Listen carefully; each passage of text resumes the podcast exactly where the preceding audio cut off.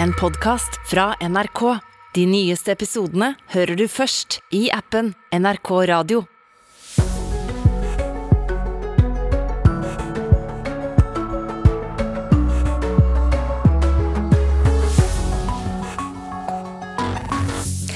Det var eh, likevel ikke metanol som gjorde flere mennesker syke på Sørlandet. Hva var det da, har vi tenkt å spørre vår eh, første gjest om her i Nyhetsmorgen.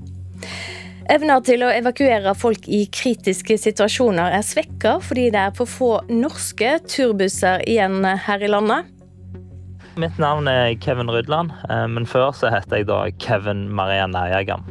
Det er eh, fremdeles eh, langt vanskeligere å bli kalt inn til jobbintervju for de som har et utenlandsk navn. Og den arabiske våren starta i Tunisia for elleve år siden. Nå ser det ut til at folkerøstinga i går gjev presidenten i landet nær uavgrensa makt. Tirsdag 26. juli i dag. Riktig god morgen her i studio, Silje Sande. Det viser seg altså at det er de som har vært innlagde med symptom på forgiftning ved Sørlandet sykehus, ikke har fått i seg metanol. Det kom fram da prøvene var ferdig analyserte sent i går kveld. Knut Erik Hovda, overlege ved Oslo universitetssykehus, velkommen til Nyhetsmorgen. Tusen takk. Du jobber altså på sykehuset som har granska disse prøvene. Hva er det de har fått i seg dersom det ikke er metanol? Nei, Det vi i hvert fall vet, er at de ikke de prøvene som er analysert foreløpig, eh, eh, viser at det ikke er tegn til metanol der, og det er heller ikke tegn til andre giftige alkoholer, for vi har jo flere. Nå er det jo engang sånn at eh, Noe av vanskeligheten med metanol i seg selv er jo å skille det fra ikke bare andre forgiftninger, men andre medisinske tilstander. Og Vi vet jo ikke sikkert hva som er årsaken til at disse har blitt så syke, men vi kan si med ganske stor sikkerhet at de ikke er metanol eller giftige alkoholer. Og hvorvidt det skyldes da andre stoffer eller medisinske tilstander, det er noe jeg egentlig ikke ønsker å gå inn på i detalj. For det handler om den, den eh, personen og de personene som faktisk er innlagt, og det forholdet de har til sykehuset. Hvordan går helsevesenet fram når en får inn eh, flere personer som har symptom på forgiftning? Nei, altså Forgiftninger er jo så mangt, og metanol er en av de mer sjeldne forgiftningene som eh, jo både i Norge og ikke minst globalt sett trolig er ganske, ganske undervurdert størrelsesorden av. Men de fleste forgiftninger er jo av en annen karakter, og det truer mest den enkeltpersonen og ikke mange. Slik at Vi gjør jo en mer et systematisk tilnærming med når det gjelder kliniske funn, hvordan pasienten fremstår, og, og enklere blodprøver i stor grad. Vi har jo vanligvis ikke spesifikke analyser for de fleste forgiftningene pasientene kommer inn med, men de kommer inn med nærmest som en, en, en pakke eh, med, med, symptomer og blodprøvefunn som gjør at vi leter oss frem.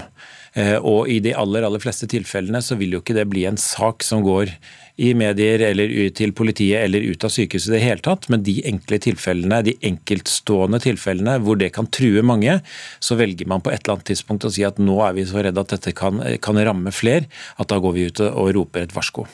Vil du si at det ble gjort på riktig måte her?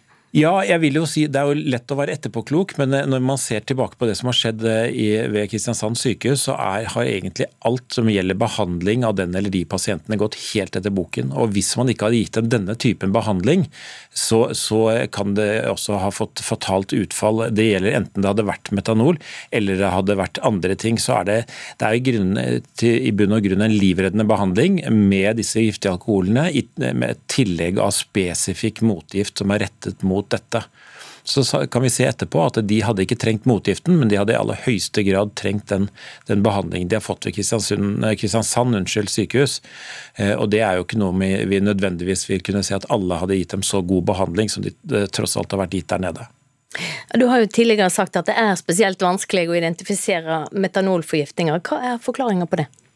Nei, Det er hovedsakelig to forklaringer. Det ene er det, det nevnte symptomene og funnene på pasientene, som hvordan de fremstår. Det kan ligne på veldig mange andre medisinske tilstander. Og Det andre store utfordringen er at analysene er så vanskelige eller gjøres så få steder. Og Vi ser den forsinkelsen det tar nå også. Vi bor i verdens rikeste land i 2022. Det har tatt oss så lang tid å få svar på det som vi har sett nå. I de fleste deler av verden hvor dette skjer veldig hyppig, er det ofte ikke tilgang på det i det hele tatt. Så når det da kommer et stort antall pasienter inn samtidig, så er det en voldsom belastning på helsevesenet og mange unødige dødsfall. Takk for at du kom hit til Nyhetsmorgen, Knut Erik Hovda, overlege ved Oslo universitetssykehus. Evner til å evakuere folk i kritiske situasjoner er svekka fordi det er for få turbusser igjen her i landet. Det mener både NHO og Fellesforbundet. Turbussene er en del av beredskapen i samband med evakuering, og det skal også frakte folk ved andre akuttsituasjoner. Og det er flere som nå har problemer med å få tak i nok busser. Busser er fryktelig vanskelig å få tak i. Det sier informasjonssjef i SJ Norge, Hilde Lyng. I forrige uke ble 200 passasjerer sittende fast i sju timer på nattoget fra Trondheim til Bodø da toget havarerte fordi ingen busser fantes. Både ved akutte avvik og planlagte avvik fra normaltrafikken hos togselskapet merker de at det er blitt mer utfordrende å skaffe til veie busser. Det forteller driftskoordinator Vidar Lian i SJ Norge. Det skaper litt hektiske dager for oss da når vi skal skaffe til veie alle kjøretøyene som skal til for å erstatte et tog. Da går tida veldig fort, og øh, det er ganske krevende for personalet vårt både ute i togene, men også på operasjonssenteret. og og skal håndtere da, mm, god kundeservice til kundene våre når vi kanskje sitter med lite informasjon og ikke klarer å få tak i busser Problemet har økt fordi turbussnæringen er bygget ned her til lands, forklarer administrerende direktør i NHO Transport, Jon H. Stordrange. De siste årene fra 2014 så har jo turbussparken Norge blitt redusert fra ca. 2100 busser til 1400, altså redusert med en tredel. En side av saken er problemer med å skaffe til veie buss for tog. Et annet, og kanskje enda viktigere oppdrag for turbussene er knyttet opp mot beredskapen her i landet. For Hvis det skjer en eller annen krise, Eh, eller f.eks. at man får akutt eh, togstans. Så er det jo turbussen som må rykke ut og frakte passasjerene dit de skal. Hvis vi ikke har en god norsk turbusspark i form av nok antall busser og sjåfører, så har vi ikke en beredskap tilgjengelig når det er behov for det. Årsaken til at det er blitt slik, ligger ifølge Fellesforbundet i at utenlandske busselskaper og sjåfører får lov til å drive konkurrerende virksomhet her i landet, såkalt kabotasjekjøring. Det vil si at de kan ta oppdrag i Norge helt på lik linje med norske selskaper. Det har ført til at den norske turbussnæringen utkonkurreres. Flere nordiske land har innført restriksjoner på slik konkurrerende bussvirksomhet. Det mener forbundssekretær i Fellesforbundet Dag Einar Sivertsen at også norske myndigheter må gjøre. Derfor er det viktig at eh, norske myndigheter tar fort tak i det og gjør som eh, de har gjort i Danmark og på Island. Altså faktisk har regler som gjør at det med, det med å kjøre kabotasje har en, en, en midlertidighet i seg som er, som er stadfesta i regelverket. Verken samferdselsminister Jon Ivar Nygård eller politisk ledelse i departementet ønsker å la seg intervjue om bussmangelen og beredskapen. I en e-post svarer informasjonsavdelingen Samferdselsdepartementet følger situasjonen, men har ingen kommentar til saken på nåværende tidspunkt.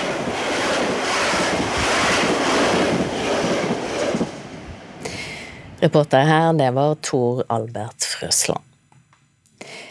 Unge som har eh, fått utbetalt pasientskadeerstatning, kan risikere å måtte betale mer for å studere enn eh, alle andre. 23 år gamle Sissel Størmer får ei ekstraregning på 200 000 kroner for eh, studiene sine, fordi Lånekassa mener hun er for rik til å få stipend. Siden jeg har fått en pasientskadeerstatning, så nektes jeg studiestipend av Lånekassen. Og det føles som et slag i ansiktet sier 23 år gamle Sissel Størmer, som de siste fire årene har studert filosofi ved Cambridge-universitetet i England. Da hun søkte om studiestipend fra Lånekassen, fikk hun beskjed om at hun er så rik at hun ikke har rett til stipend. Dette til tross for at pengene på Sissels konto stammer fra en pasientskadeerstatning, og skal dekke kostnadene hun har pga. en alvorlig synshemning resten av livet. Det Lånekassen sier, er direkte i motstridning med det Pasientskadenemnda sier, og jeg appellerer igjen og igjen og prøver å si men dette er jo helt urimelig, det faller på sin egen urimelighet. Og da sier de bare men vi tolker regelverket, og vi legger skattetall til grunn. Fremtidig avkastning regnes som en del av en offentlig pasientskadeerstatning, og trekkes fra beløpet som faktisk blir utbetalt til pasienten. Lånekassen på sin side definerer pasientskadeerstatning på en annen måte, og mener at avkastning på erstatningsutbetalingen ikke kan regnes som en del av erstatningen, men heller må ses på som vanlig formue. Dermed diskvalifiseres Sissel fra Lånekassens stipendordning, og får etter fire års studier en ekstragjeld på ca. 200 000 kroner. Kommunikasjonsdirektør i Lånekassen, Anette Bjerke, bekrefter dagens praksis. Når det gjelder erstatning pga. sykdom eller pasientskade, er det slik at vi trekker av fra alle opprinnelige utbetalte erstatningsbeløp i sin helhet for hvert år. Men slik forskriften er formulert per i dag, er det ikke rom for å også trekke fra eventuell avkastning. Eh, da må det en forskriftsendring til. Lånekassen har ikke mulighet til å endre egne forskrifter, men kan komme med endringsforslag til Kunnskapsdepartementet så er det til syvende og sist eh, Kunnskapsdepartementet som eh, må vurdere om forskriften faktisk skal endres. Forteller Bjerke. Den politiske ledelsen i Kunnskapsdepartementet har avslått NRKs forespørsel om å stille til intervju i denne saken. Sissel er ikke imponert. Det at du har en regjering som i sin plattform jobber for de svakeste i samfunnet, og fremdeles nekter å kommentere på denne saken, det er helt skammelig. Det er helt hårreisende. Erlend Svardal Bø, som representerer Høyre i helse- og omsorgskomiteen på Stortinget, lover å følge opp saken. Etter NRK sin sak så forventer jeg at regjeringa òg kommer på banen og ser på regelverket rundt praktiseringa av det her. Eh, og hvis ikke regjeringa gjør det, så vil Høyre følge opp denne saken når Stortinget da møtes igjen til, til høsten. Reporter Per Søreide Senstad. Den 79 eh, år gamle skuespilleren og artisten Geir Børresen sovna inn sent i går kveld med familien rundt seg. Det forteller familiens talsperson, advokat eh, Truls Haldorsen, til eh, NRK. Mange husker nok Børresen for roller i TV-serien 345, der han var utkledd som hunden Labbetuss, og for roller som Max Mekker i serien Sesam stasjon på 1990-tallet. Når Max-siden mekker og trykser med alt som han ordner og fikser. Mange husker han kanskje best som Max Mekker i Sesam stasjon. Han hadde mange replikker som gikk på rim, og da måtte man kunne rimene utenat. Max er sjefen og får det til. De andre kan bli så sure de bare vil. jeg tenkte at skal jeg kanskje være skuespiller i Norge, et lite land, så må jeg nok gjemme meg bort. For jeg vil ikke at folk skal bli lei meg så veldig fort. Så jeg gjemte meg bort. Kan du tilgi meg, Labbetuss? Kan du det? Å, du er en grei hund. Han trivdes inne i kostymene sine. I flere år spilte han også rollen som hunden Labbetuss. Jeg hadde en hund selv som jeg studerte, da, så jeg lærte liksom av den hunden. Ja. Men Geir Børresen hadde mange talenter. Jeg gir opp den bilen! Jeg gir opp den bilen. Kaster bort hammer og tang. De som vokste opp på 70-tallet, vil huske han som programleder. Og god aften til eh, lekestue. Hei, hei, alle sammen. Sitter dere godt? Var moromannen og tullingen. Det likte jo ikke sønnen min. Han syntes ikke det var morsomt å gå ut sammen med pappa. Og barnet ropte etter pappaen hans 'tulling, tulling, tulling'. Hvem er dere som er så små? Vi er smurfer små og blå. Parallelt med rollene sine i barne-TV var han også ansatt ved Nationaltheatret i 20 år. Hvorfor? For å kunne delta i neste krig. Man er vel mann, for søren? Oh, ja. Noen ganger hadde jeg problemer med replikken, og da gikk jeg til Wenche Foss, og hun sa du må jobbe, jobbe, jobbe, jobbe, jobbe. Jobbe, jobbe, jobbe, Geir. Du skal jobbe hardt for å bli skuespiller. Etter en lang karriere og et innholdsrikt liv ble Geir Børresen 79 år gammel. Reporter Heather Ørbeck Eliassen.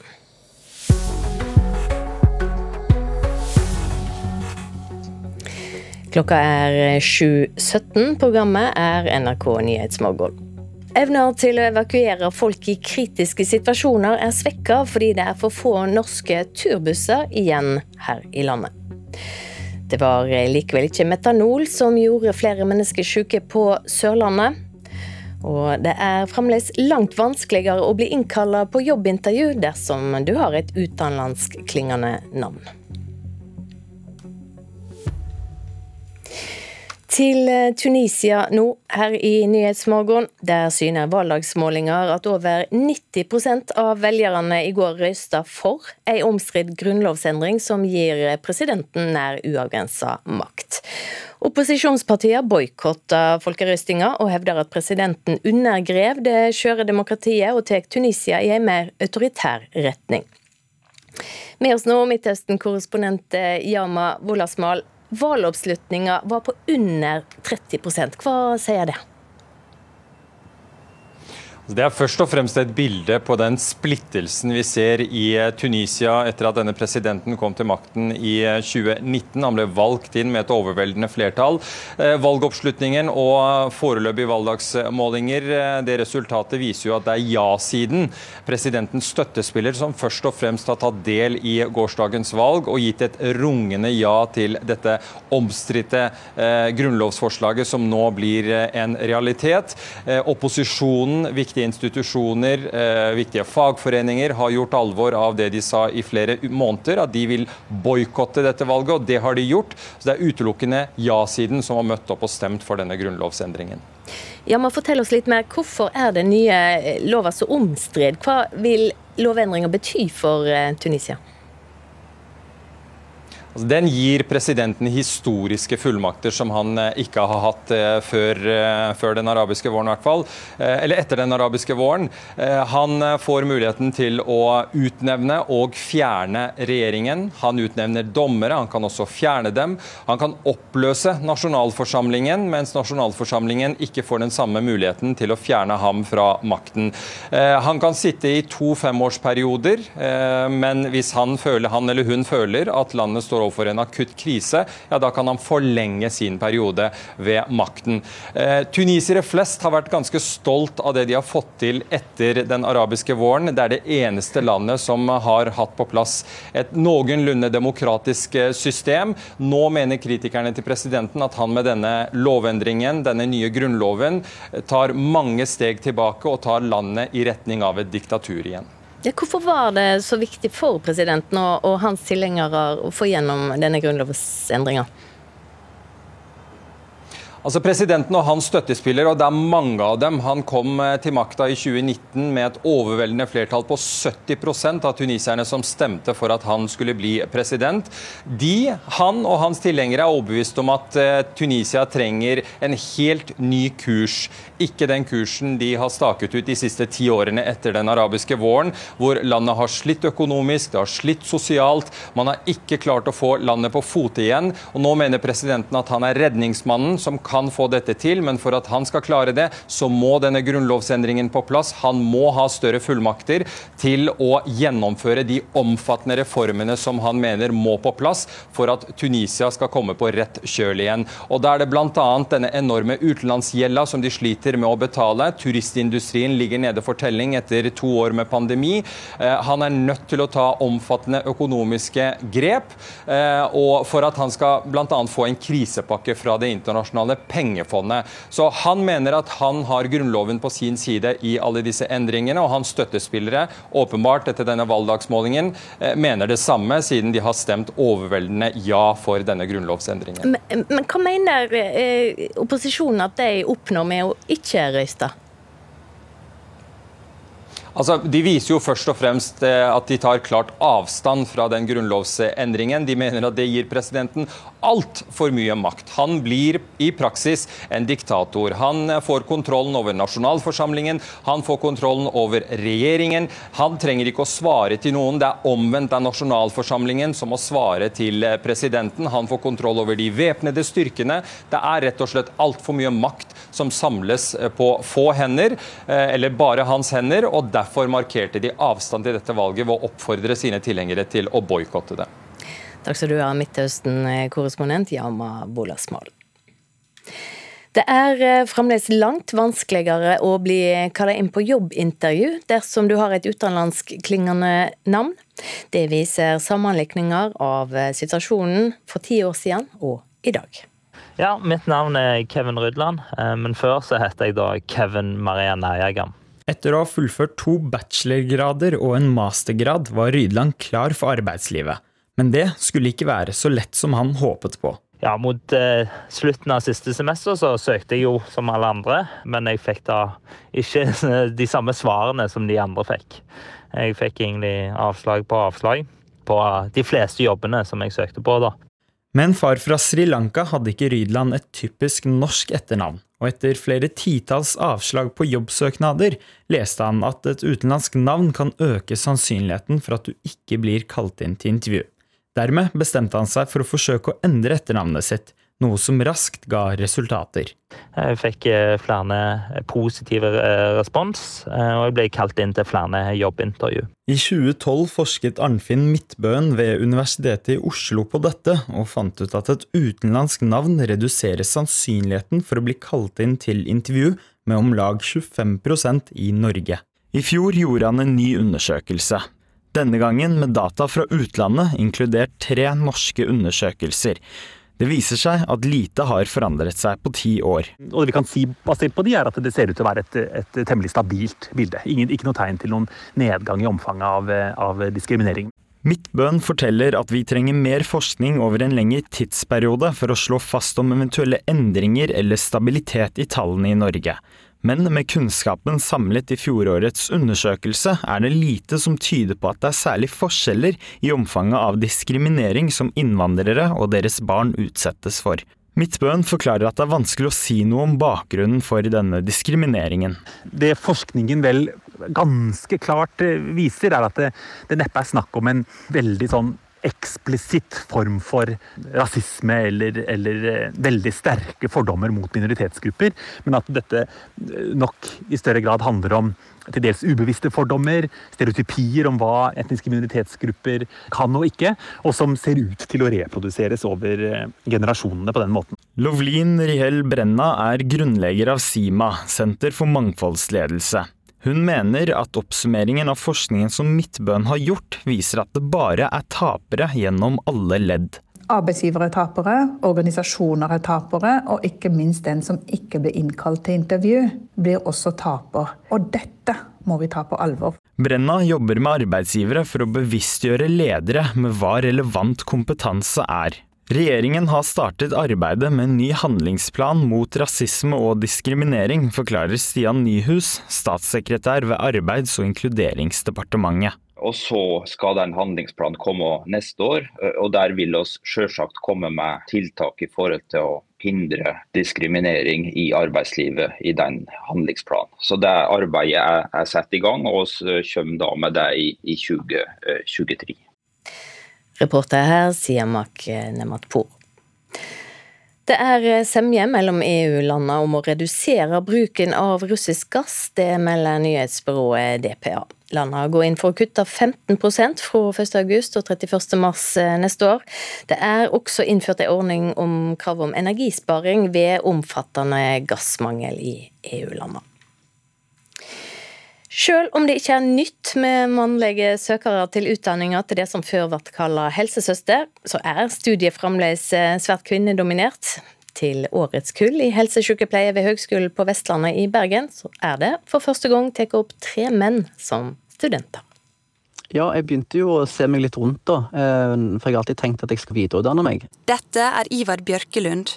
Han er sykepleier, og til høsten skal han videreutdanne seg til helsesykepleier ved Høgskolen på Vestlandet. Nå er jeg pappa sjøl, og det å følge med på barn og sånn, det syns jeg er eh, spennende. Og jeg tror det kan være kjekt å jobbe som, som helsesykepleier også. Han er en av tre menn som har kommet inn på studiet i helsesykepleie, og skriver seg med det inn i historiebøkene. Det er nemlig første gang at mannlige søkere har kommet inn på studiet ved Høgskolen på Vestlandet. På en måte så tenker jeg at det er litt sånn eh, på tide. Og så tenker jeg på en måte at det er litt sånn synd at det er så få som, som har søkt før, kanskje. Eh, dyktige personer som ønsker å satse videre på eh, å bli helsesykepleier, uavhengig av kjønn, kan søke seg hit. Det sier rektor ved høgskolen, Gunnar Ytri. I januar i 2019 ble tittelen endra fra helsesøster til helsesykepleier, som et tiltak for å rekruttere flere menn. Helsesykepleier og einingsleder i skolehelsetjenesten i Alna i Oslo, Daniel Kendrick, tror tittelendringa har hatt betydning for søkertallene, men at den i seg selv ikke er nok. Det er kort tid siden vi bytta tittel og fikk sykepleier inn i tittelen. At det var en helsesøstertittel. Eh, men så tror jeg nok også at det har noe med, med mm, anseelighet, altså hva slags status det yrket har. Kendrick var sjøl eneste mann på studiet da han utdanna seg ved Oslo OsloMet i 2017 og opplevde at andre videreutdanninger hadde høyere status enn helsesykepleie. Jeg husker jo selv når jeg var sykepleierstudent, så var det jo veldig mange som spurte ja, du skal vel bli leder eller eh, intensiv- eller anestesisykepleier, du, som er mannlig sykepleierstudent. Eh, og jeg hadde egentlig ikke tenkt noe videre over det, men jeg stussa jo litt på at det var veldig mange sånne henvendelser. Georg Frøland er instituttleder for helse- og omsorgsvitenskap ved Høgskolen på Vestlandet. Han gleder seg over de tre mannlige studentene de har tatt inn, men mener skolen har en jobb å gjøre med å rekruttere mannlige studenter. Vi òg må nok være mer offensive i forhold til, til det å rekruttere eh, mannlige studenter innenfor helse- og omsorgssektoren generelt sett. Tilbake til Ivar, en av de heldige som kom inn på det kvinnedominerte studiet. Nå gleder han seg til å starte. Nå er det jo studiet jeg er spent på nå, da. Og, og det at det, det, er mange damer, eller flere damer enn menn rundt meg, det er jeg jo litt vant med fra jobben som, som sykepleier fra før av, da. Så det, det har ikke så veldig mye å si for meg. Ja, Det sa Ivar Bjørkelund, snart helsesykepleierstudent. Reporter Oda Flaten Lødemel. Straks eh, klart for Dagsnytt i hovedsending. Etter det skal vi høre at mye dårlig vær denne sommeren har ført til at færre har reist til fjells.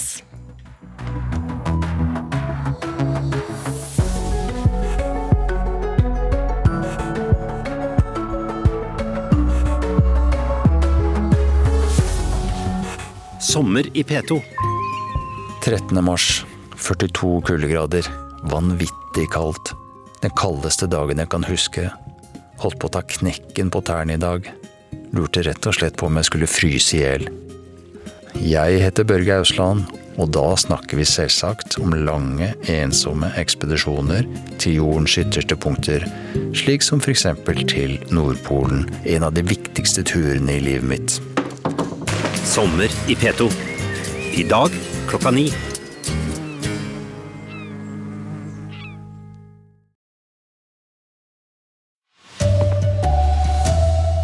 Beredskapen i Norge er svekket fordi det ikke finnes busser nok, mener NHO. Det var likevel ikke metanolforgiftning som førte til flere sykehusinnleggelser i helgen. Og Geir Børresen er død, men blir husket for sine mange karakterer. Max er sjefen og får det til! God morgen, dette er saker det blir mer om i Dagsnytt. Klokka er 7.30. Først altså skal det handle om beredskap. Den er nemlig svekket fordi det ikke finnes turbusser nok her i landet. Det mener både NHO og Fellesforbundet. Turbussene er en del av beredskapen i forbindelse med evakuering, og de skal også kunne frakte folk ved andre akuttsituasjoner. Men nå sliter flere med å få tak i nok busser. Busser er fryktelig vanskelig å få tak i. Det sier informasjonssjef i SJ Norge, Hilde Lyng. Både ved akutte avvik og planlagte avvik fra normaltrafikken hos togselskapet, merker de at det er blitt mer utfordrende å skaffe til veie busser. Det forteller driftskoordinator Vidar Lian i SJ Norge. Det skaper litt hektiske dager for oss da når vi skal skaffe til veie alle kjøretøyene som skal til for å erstatte et tog. Da går tida veldig fort. og det er ganske krevende for eh, personalet vårt, både ute i togene, men også på operasjonssenteret. Problemet har økt fordi turbussnæringen er bygget ned her til lands, forklarer administrerende direktør i NHO Transport, Jon H. Stordrange. Hvis ikke vi har en god norsk turbusspark i form av nok antall busser og sjåfører, så har vi ikke en beredskap tilgjengelig når det er behov for det. Årsaken til at det er blitt slik, ligger ifølge Fellesforbundet i at utenlandske busselskaper og sjåfører får lov til å drive konkurrerende virksomhet her i landet. Flere nordiske land har innført restriksjoner på slik konkurrerende bussvirksomhet. Det mener forbundssekretær i Fellesforbundet Dag Einar Sivertsen at også norske myndigheter må gjøre. Derfor er det viktig at norske myndigheter tar fort tak i det. Samferdselsdepartementet svarer i en e-post. Samferdselsdepartementet følger situasjonen, men har ingen kommentar til saken på nåværende tidspunkt.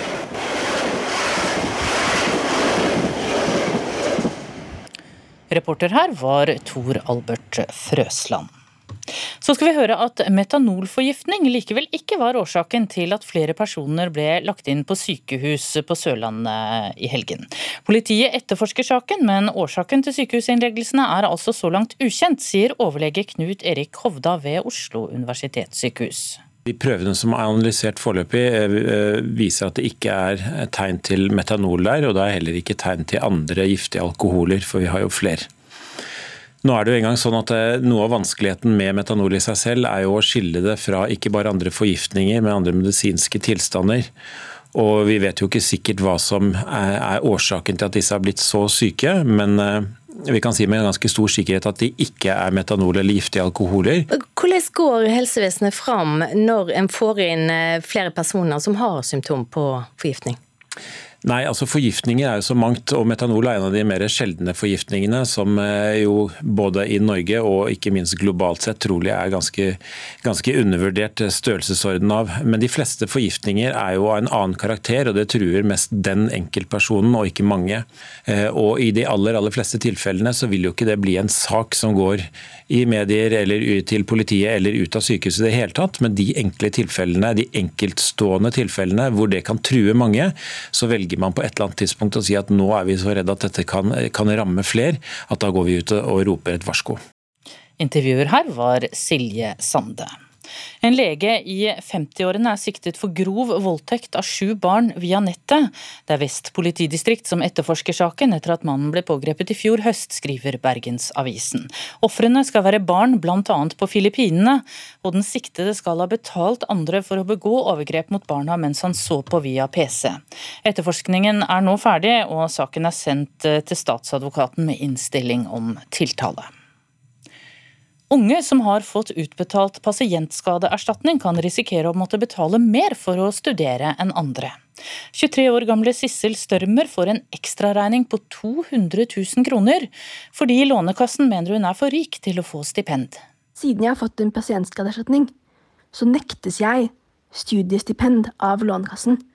Og det føles som et slag i ansiktet sier 23 år gamle Sissel Størmer, som de siste fire årene har studert filosofi ved Cambridge-universitetet i England. Da hun søkte om studiestipend fra Lånekassen, fikk hun beskjed om at hun er så rik at hun ikke har rett til stipend. Dette til tross for at pengene på Sissels konto stammer fra en pasientskadeerstatning, og skal dekke kostnadene hun har pga. en alvorlig synshemning resten av livet. Når det gjelder erstatning pga. sykdom eller pasientskade, er det slik at vi trekker av fra alle opprinnelige utbetalte erstatningsbeløp i sin helhet for hvert år. Sier kommunikasjonsdirektør i Lånekassen Anette Bjerke. Men slik forskriften er formulert per i dag, er det ikke rom for å også trekke fra eventuell avkastning. Eh, da må det en forskriftsendring til.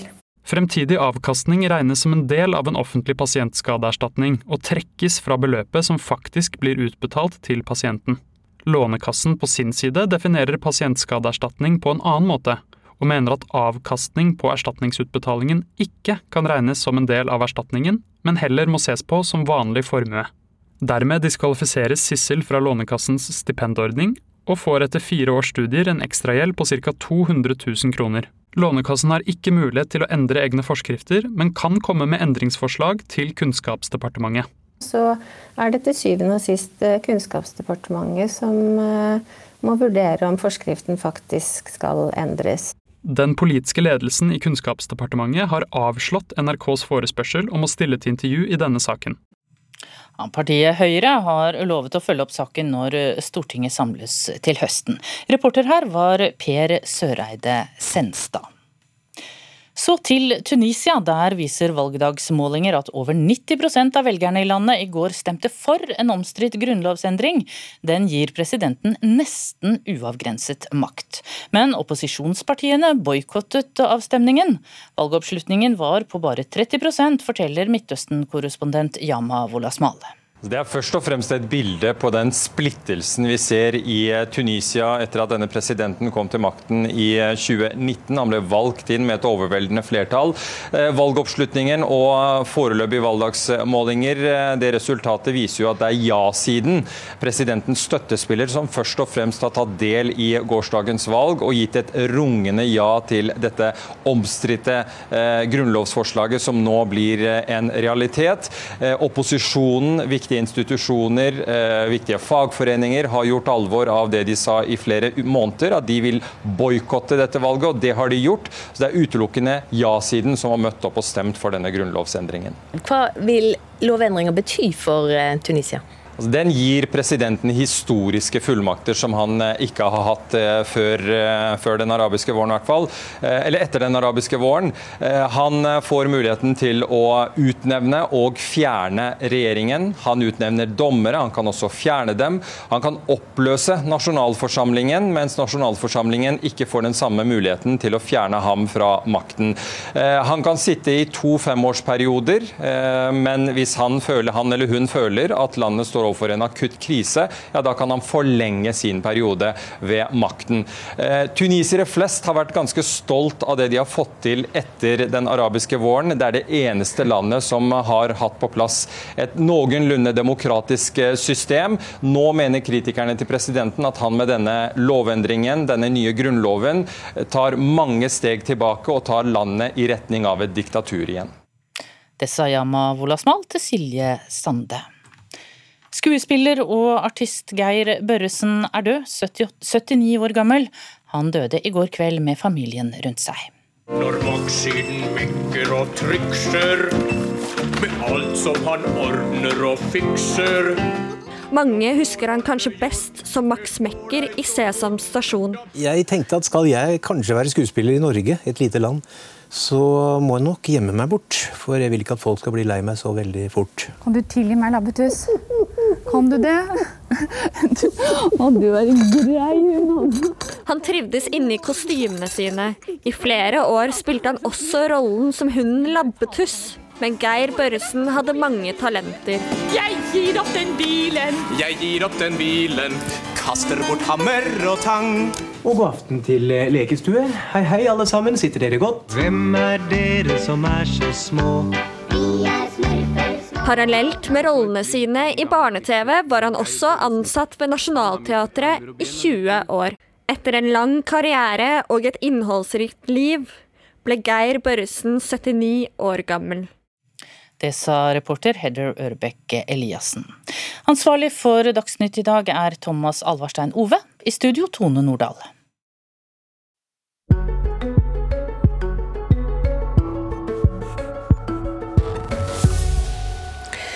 Det har eh, vært en del eh, dårlig vær denne sommeren, og det har ført til at det er færre folk i fjellet.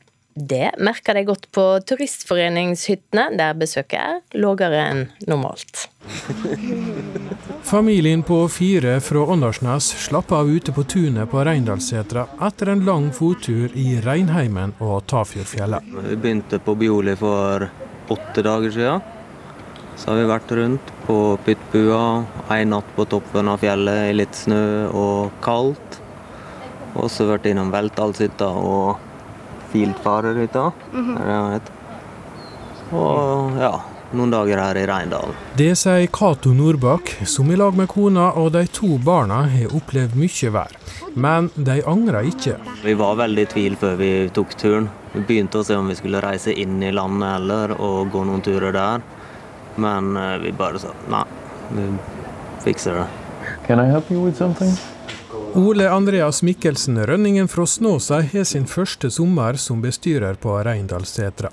Turistforeningshytta ligger vel fem kilometer fra bilvei og midt i hjertet av Tafjordfjella.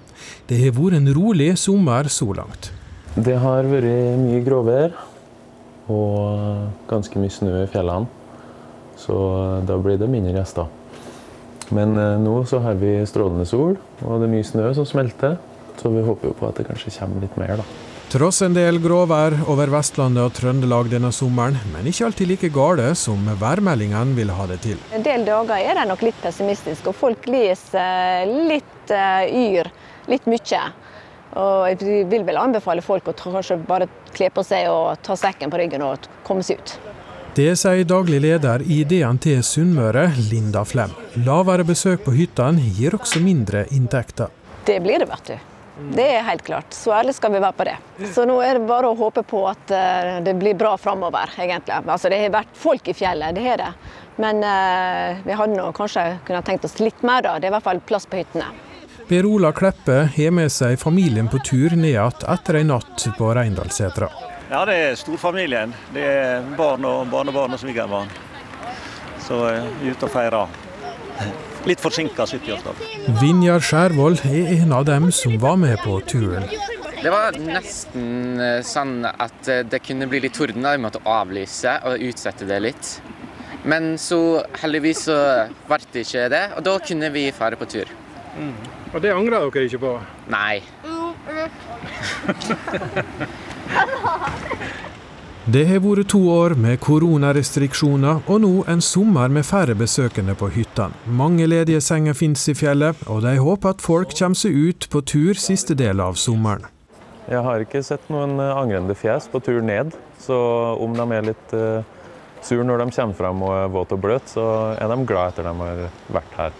Kom dere ut. Det er bare å komme seg ut døra og komme seg på tur. Så blir det bra.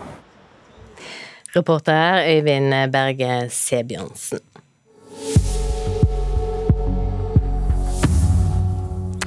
Vi skal ta en kikk på overskriftene denne morgenen. Evna til å evakuere folk i kritiske situasjoner er svekka fordi det er for få norske turbusser igjen her i landet. Det mener både NHO og Fellesforbundet. Det var likevel ikke metanolforgiftning som førte til at eh, flere ble lagt inn på sykehus på Sørlandet i helga. I USA vil president Joe Biden få Kongressen til å godta en støttepakke på 52 milliarder dollar for å subsidiere produksjon av databrikker i USA. En lege i 50-åra er sikta for grov voldtekt av sju barn via nettet og for seks andre voldtektsforsøk. Det melder Bergensavisen i dag. Man skal ha betalt og gitt instrukser via internett. Det er eh, fremdeles langt vanskeligere å bli kalla inn til jobbintervju for de som har et utenlandsk navn. Mitt navn er Kevin Rydland, eh, men før så heter jeg da Kevin Maria Nærjagam. Og i Tunisia viser valgdagsmålinger at over 90% av velgerne i går stemte for ei omstridt grunnlovsendring som gir presidenten nesten uavgrensa makt. Da er det klart for sommerkvarteret.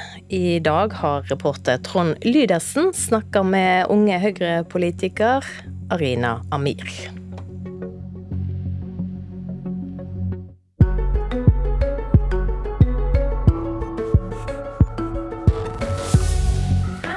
Hei.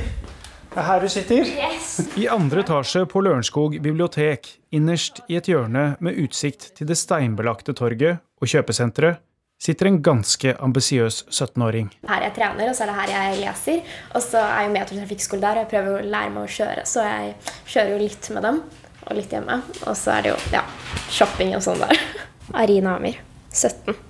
Styremedlem i Oslo Høyres Kvinneforum og kampanjeleder i Stovner Høyre. 17 år, øh, midt i juli, soldag i Oslo, og, Mm. og du vil møtes på Lørenskog bibliotek. Ja. Nei, jeg sitter jo her veldig ofte, for dette er jo mitt nærmeste bibliotek. Jeg bor på Høybråten. Um, så eh, Stovner bibliotek blir litt lenger enn eh, Lørenskog. Men jeg på en måte føler en litt ro her. da. Nede så sitter det alltid pensjonister og drikker kaffe. Og jeg har på en måte får alltid sånn vibe med pensjonister, selv om jeg ikke snakker med dem. Eh, så jeg føler meg på en måte veldig hjemme her. da. Så nå har jeg jo egentlig ferie. Jeg har ikke, tar jo ikke på meg noen politiske oppdrag eller noen ting i hele juli. For nå har det vært veldig mye i juni, og så blir det en del i august. Eh, og så prøver jeg å ta det med ro. Ungdomspolitikere. Mm. Er det noen raringer, egentlig? Ja, nei, vi, vi er jo veldig rare, da. Fordi at uh, vi bruker jo veldig mye av tiden vår på politikk. Uh, mye av fritiden vår, mye av skoletiden vår går til politikk også. Uh, og da er det vanskelig å balansere skole, politikk og fritid. Mange av vennene mine sier jo at Arina, du er nødt til å slutte med de politikkgreiene dine, for du får jo aldri tid til å møte oss. Er du opptatt av de samme tingene som vennene dine, som ikke er politikere? Nei, men jeg vil ikke si at jeg er opptatt av de samme tingene som uh, uh, ungdomspolitikere ellers heller. For jeg synes uh, det er et veldig stort mangfold av uh, ulike meninger og tanker om hva som er viktig. For eksempel uh, for en helt ny ungdomspolitiker er det, veld, er det veldig vanlig å være opptatt av skole og klimapolitikk. Jeg har snakket veldig lite om skole og klimapolitikk. Hva er? Jeg er veldig opptatt av bistandspolitikk, eh, internasjonal politikk, eh, negativ sosial kontroll, integrering, eh, inkludering av på en måte, alle som ikke passer helt inn i A4-modellen. Enten det er på en måte vanskeligstilte barn, eh, lavinntektsfamilier, eh, men, innvandrere, mennesker som blir utsatt da, for sånn negativ sosial kontroll osv. Unge generasjonen som Mm. du er en del av, som, hvor det kan vi kalle slags randsonen av Oslo. Ja. Mange innvandrere bor her. Mm. Hva er de store tingene som du opplever herfra og dine venner? Hva som gleder dere, hva som bekymrer dere? Jeg føler at mange er positive og optimistiske for fremtiden. For de ser jo at de fleste som eh, bor også på Stovner, der jeg opprinnelig er fra, eh, er jo, de er jo barn av innvandrere. Så de har jo på en måte levd i veldig vanskelige kår, hatt en trang økonomi, familieøkonomi. Mange av dem har jo ikke fått muligheten til å gå på fritidsaktiviteter fordi det har vært for dyrt osv. Men eh, jeg merker at de er veldig optimistiske for fremtiden likevel. fordi at de ser jo at i det norske samfunnet så har du ikke noe å si om familien din tjener to millioner i året og bor på vestkanten, eller om de eh, så vidt har en jobb og bor på østkanten. Er du sikker på det? Ja, veldig mange har en slik holdning nå, fordi at man ser at eh, for eksempel, da, Hvis man bruker norskpakistanere som et eksempel, så ser man at eh, andre generasjonen har gjort det mye bedre enn første generasjonen. De fleste tar seg høyere utdanning, kommer ut i jobb. Det er ofte Ali-yrkene som står sentralt. Det er lege, advokat, ingeniør. Eh, Og man ser jo at, da, at foreldrenes på en måte eh, utgangspunkt ikke har hatt så veldig mye å si for barna fordi at de har fått så god oppfølging av den norske skolen. Og um, jeg ser jo det på vennene mine også, at de har jo de har litt den samme holdningen. At de har lyst til å komme seg opp og frem i samfunnet og ser ikke på en måte deres families økonomi som et hinder for det. da. De er optimistiske. Ja, de er optimistiske. Resultatene på skolen er ganske mye dårligere for det. Ja, jeg kommer jo fra Høybråten, da, og der er resultatene ganske, ganske greie. um, i hvert fall. Men så er det andre steder hvor det er dårligere, men så varierer det veldig. Man ser jo at eh, jenter av eh, innvandrer... Eller jenter med minoritetsbakgrunn eh, gjør det ganske bra på skolen sammenlignet med guttene med minoritetsbakgrunn. Og det er fordi at de har en veldig sånn vilje til å gjøre det bra og ha- har veldig lyst til å være veldig flinke på en måte og Har jobbe ikke for det. gutta det? Gutta er, blir fort fristet av andre ting, som på en måte eh, disse gjengmiljøene og litt sånn. Det er på en måte noe som frister mer der, og derfor er det enklere for dem å bli rekruttert til de miljøene også, fordi at det er litt mer spenning i det. Mens jentene setter jo så ofte veldig klare mål, ønsker å gjøre det bra på skolen og bli vellykta. og man ser jo at de som setter seg mål, faktisk klarer å nå dem òg. Så det handler om å få på en måte litt den samme entusiasmen i guttene. da. Ja, og Hvordan skal dere få til det? Ja, nei, det handler om å øh, på en måte, hvis man, Vi har utdanningsvalg på, øh, som et fag på ungdomsskolen, hvor man lærer veldig lite om hva det er man egentlig har lyst til å gjøre i fremtiden. Annet enn at bare gå inn på utdanning.no og se øh, på en måte ulike linjer og litt sånn. Og det er jo, man får jo ikke noe ut av det. Har du guttevenner du gir råd? Ja, veldig mange. Det er, men eh, det er jo eh, ofte på en måte mye skolehjelp. Da. At eh, ja, Arina, kan ikke du gjøre den samfunnsfagsoppgaven for meg? Men jeg gjør jo ikke dem, da. Jeg hjelper dem, men det er ikke Jeg kan jo ikke gjøre dem for dem. Det er viktig at de gjør selv. Så du maser? Maser veldig mye. Men sånn er det også med vestkantguttene, for jeg går jo på en skole med veldig, mye, eh, veldig mange som er fra vestkanten i Oslo. Og der er det også Guttene er eh, mye mer eh, på en måte Orker ikke gjøre så mye, og så er det jentene som er veldig opptatt av å gjøre det bra på skolen. Så da er det til slutt sånn i siste liten Arina, jeg har ikke orket å gjøre den oppgaven, kan du ikke bare sende meg din? Og så er jeg sånn Nei, den burde du gjort tidligere. Ja, de prøver å sluntre unna, altså. Ofte så er det sånn, uansett om man ser på østkanten eller vestkanten, for nå har jeg på en måte litt innblikk eh, i begge sider. Og jeg merker at guttene er ofte unnasluntrere, og så er jentene villige til å gjøre det. Nå har jo du sett begge sider, som du sier. Ja. Altså, hva er den største forskjellen på østkantgutter og vestkantgutter? Klesstil. Østkantguttene er jo ofte på en måte den Ronaldo-sveisen sin og, så, og de faden sin, og så går de med, går de med de Gucci sidebagen og alt det der. Og så er det vestkantguttene med den midtskillen sin og eh, ja, eh, cargo-bukser Nei, hva heter det? Dressbukser og alt det der. Eh, men væremåten er ikke veldig annerledes utenom måten man snakker på. da. Hvis man på en måte ser østkanten, så er det mye kebabnorsk og sånn. Og så er det vestkanten som snakker ja, det, vil, det vi vil kalle vanlig norsk. Men så ser man også at måte selvbildet til guttene og generelt menneskene på østkanten er mye bedre enn de på østkanten.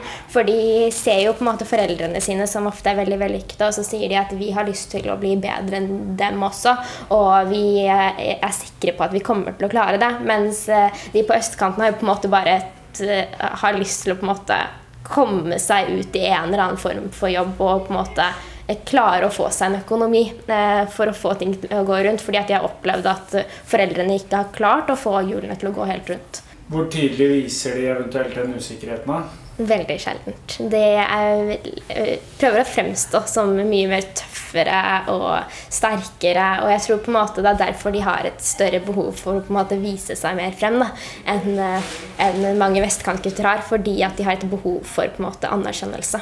Snakker du sånn nært med noen om det? Ja, jeg hadde en eh, kompis på ungdomsskolen eh, som, eh, snakket, som, snakket, en del med meg om det. Så eh, han, han, var jo fra østkanten, da. Så det jeg på en måte merket jo at han var jo på en måte veldig den bajasen i klassen, men det var jo fordi at det var vanskelig hjemme og vanskelig med økonomien. Og man ser jo også at mange av de eh, som får seg jobb på vestkant, som jobb på vestkanten, tjener de pengene selv, og så bruker de det på å kjøpe klær og sko eller hva det er til seg selv. Mens eh, de som får seg som jobber på østkanten, må ofte bruke de pengene på å få familieøkonomien til å gå rundt. Og det er jo litt vondt å se, da. At eh, på den ene siden så kan man liksom kjøpe seg helt nye sko, og så på den andre siden så må man kjøpe, dra på Rema for å kjøpe mat til familien. Hvor dypt stikker sånne, altså de forskjellene man er vokst opp med? Hvor mye tar man med seg? Ja, men, ja, jeg tror jo at disse forskjellene blir jo på en måte værende hos en eh, ganske lenge. For man ser jo det på når man begynner på videregående og sånn, og så at, man, at på en måte vestkanten og østkanten blandes litt, så er det ofte sånn at eh, østkantfolka blir én gjeng, og så blir vestkantfolka én gjeng. Arina Amir har to høyrepolitikere som foreldre. Da var kanskje også valget av politisk gjeng gitt. Jeg skulle ønske jeg kunne sagt nei, men dessverre så svarer jeg. Jeg hadde jo ikke lyst til å engasjere meg i Høyre bare fordi jeg hadde lyst til å være uenig med dem. Men så gikk jeg fra Rødt til SV og så Arbeiderpartiet osv. Og, så videre, og så sto det til slutt mellom Frp, Høyre og KrF, og så ble det jo Høyre, da. Så uh, ja. Jeg er veldig enig med mamma og pappa, dessverre. Har du vært innom alle disse? Ja, eh, nei, nei, jeg har lest partiprogrammene eh, til alle disse.